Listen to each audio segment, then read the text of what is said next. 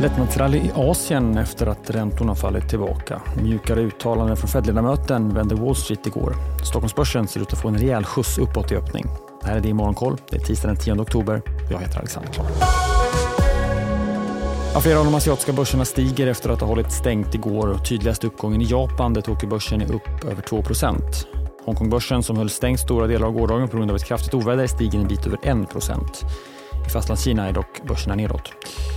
Den kinesiska bostadsutvecklaren Countergarden som vi vet har problem med betalningar har flaggat för just det idag.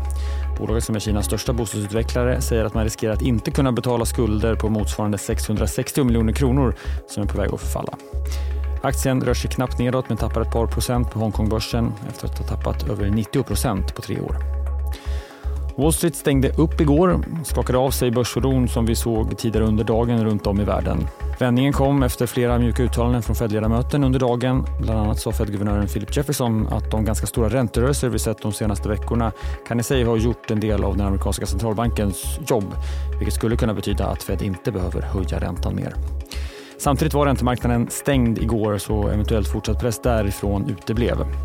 Samtidigt pekade terminshandeln under dagen på att vi kommer att se ganska kraftiga fall för räntorna idag. Något vi också sett nu på morgonen. Tioåringen har fallit ner till 4,64.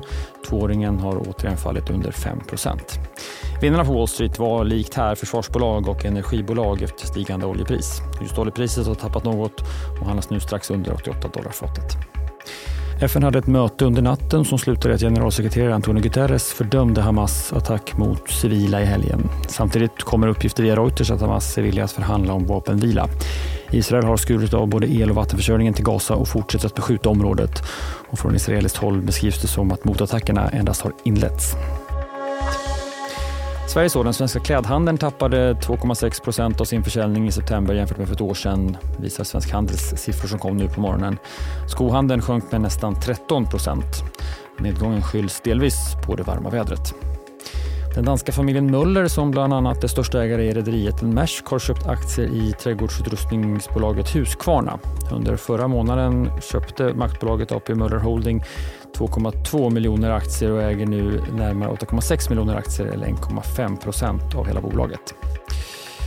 Idag ser vi fram mot rapportperioden. Den börjar inte riktigt än för svensk del, kanske först nästa vecka. Men nu under morgonen så kommer en rapport från investmentbolaget Öresund. De största innehaven för Mats Kvibergs investmentbolag är Bilia, Scandi Standard och Stenhus Fastigheter.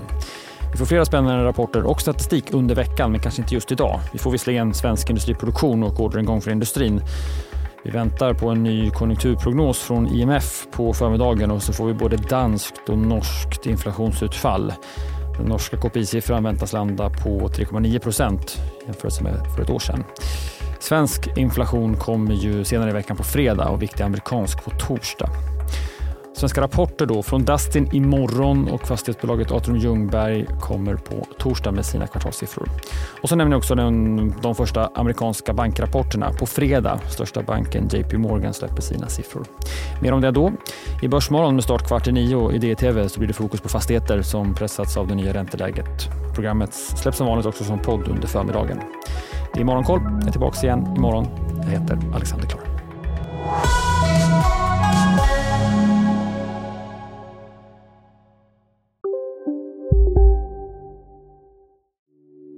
Hej, Ulf Kristersson här. På många sätt är det en mörk tid vi lever i. Men nu tar vi ett stort steg för att göra Sverige till en tryggare och säkrare plats. Sverige är nu medlem i Nato. En för alla, alla för en.